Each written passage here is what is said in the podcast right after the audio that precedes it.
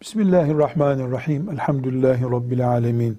Ve salatu ve selamu ala Resulina Muhammedin ve ala alihi ve sahbihi ecma'in.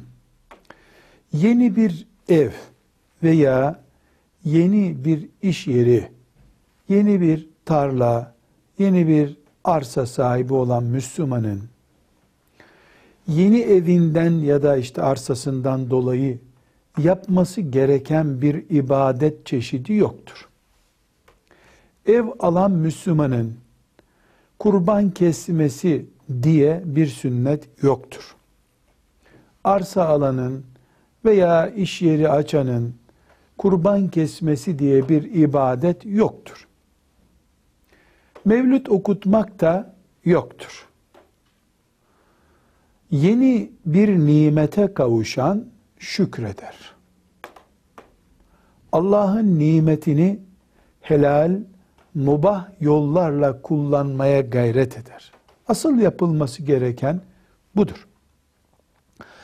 Memleketimizdeki örfte yeni ev alanların, yeni araba alanların, yeni bir dükkan açanların kurban kesmesi şeklinde bir uygulama vardır. Böyle bir ibadet yoktur.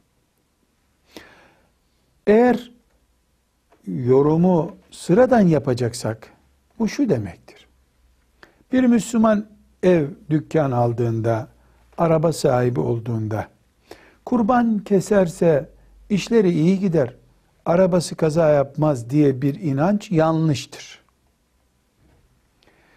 Müslüman araba sahibi olduğunda, ev sahibi olduğunda Allah'ın nimetine şükretmeli. O nimeti haram olan bir şeyde kullanmamaya azmetmeli, kararlı olmalıdır.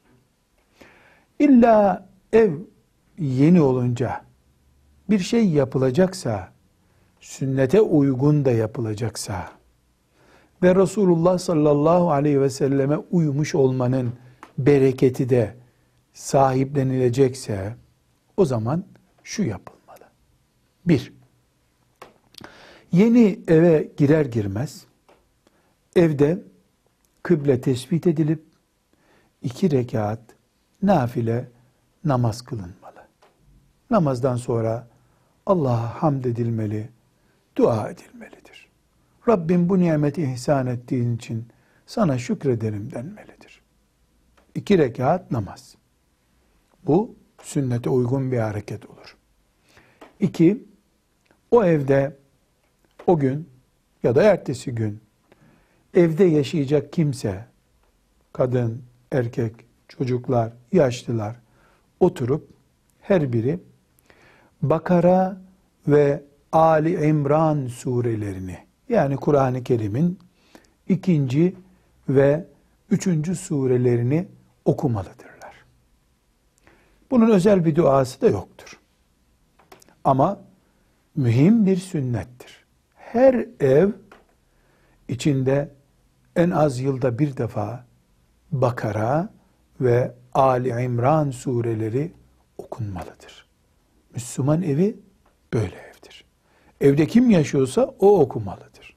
Bir hafız çağırıp okutmak değildir. Açıp kendin okumaktır.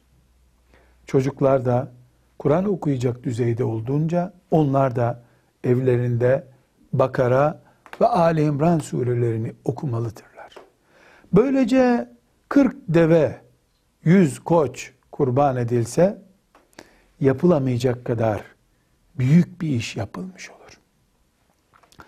Üçüncü olarak da yeni ev, yeni dükkan satın alanlar, sahip olanlar, 5-10 fakiri, yetimi çağırıp doyurmalıdırlar evlerinde veya iş yerlerinde.